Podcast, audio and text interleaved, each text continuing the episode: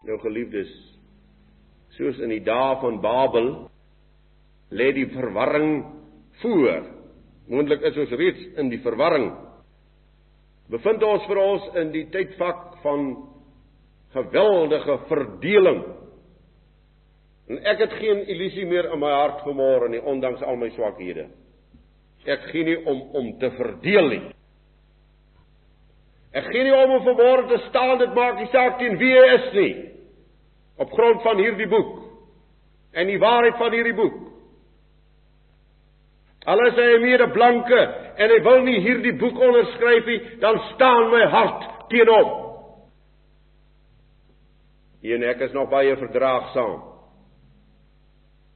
Maar laat ek vir u sê die lyn word al skerper getrek.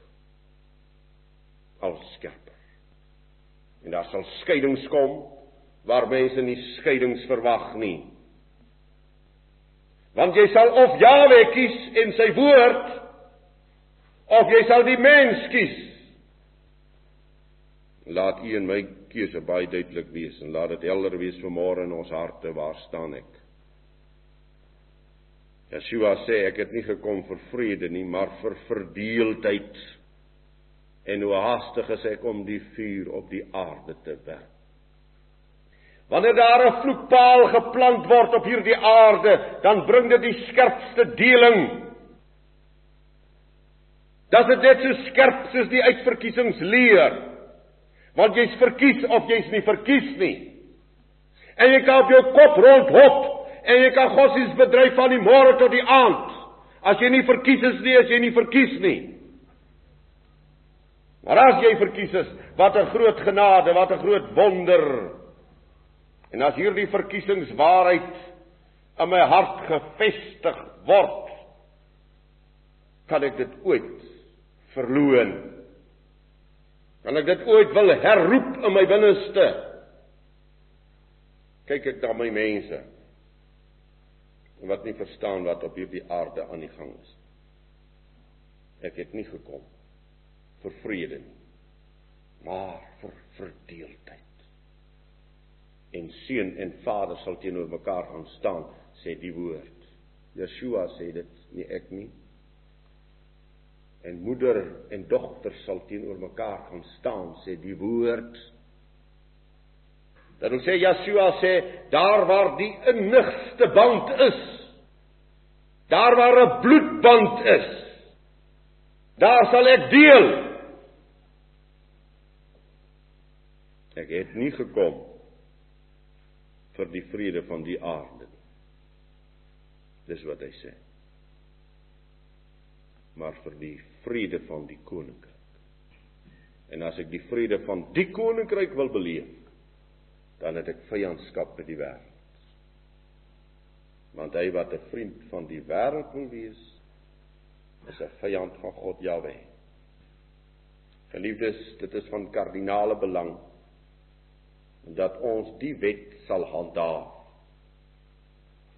Die rykdom van hierdie grondwet is bloedsuiwerheid.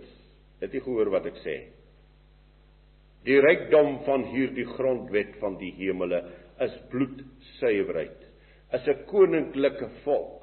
Is priesters van die koninkryk van suiwerheid. Dwars deur die Bybel word dit baie duidelik geteken daar is nie 'n groter besoedeling as bloedbesoedeling nie. En hierdie verdwaasde wêreld waarin u en ek leef, hulle verstaan dit nie. Wat hulle so verdwaas dat sommiges meen dat u en ek iewers van 'n bobbejaan afstam. Ja, hulle verkondig dit. Dit al oor die televisie in Suid-Afrika verkondig hoeveel skole verkondig dit. Hoeveel universiteite in Suid-Afrika verkondig dit. Iewers van 'n aap afkom ek en jy. Die geklikheid daarvan omdat hulle nie wil suiwerheid hê nie. Want watter klein aardse wese het nou regtig die begrip van suiwerheid in sy brein? Hmm. Tensy die Heilige Gees dit inbrand in ons binneste. Suiwerheid. 'n magtige wet geskrywe op die tafels van ons harte. Hiervoor het 'n voorgeslag gestry en gesterwe. Geliefdes, en daar's baie bedreigings. Die grootste bedreiging in ons tyd is die vernietiging van die grondwet van die koninkryk van God. Die grootste vernietiging van hierdie tyd is dat hierdie grondwet moet uitgewis word uit hierdie geslag van Jawe wat gebore word in die wêreld. Daarom is die magtigste aanslag wat hulle doen op wie? Op ons kindertjies. Want hulle word gebore met hierdie wet in hulle harte. Maar die ewigste aanslag is op hulle om hierdie wet van suiwerheid, om hierdie grondwet van helderheid uit hulle harte uit te wis, sodat hy maar moet dink Adam is die vader van alles wat op voete rondloop. En terwille van die kinders wat hier sit, dis groot onsinnigheid. Dis groot leuen, dis groot bedrog. En dit maak nie saak nie, liewe kinders, as julle daar in die skool sit en 'n onderwyser of 'n onderwyseres praat van gelykheid. Dan staan jy op, dan sê jy vir hierdie juffrou, dan sê jy juffrou, jy's besig om die grondwet van my God te vernietig. Dat u en ek nie maar net sommer kom kan ons nou maar die wooi woord gebruik vanmôre gelowiges is nie. Dis heerlik en dis salig om 'n gelowige te wees. Maar ek en jy is nie gelowiges ter wille van onsself in hierdie wêreld nie. Ons is hier ter wille van die handhawing van die grondwet van ons Skepper. Dis hoekom ek op hierdie aarde is.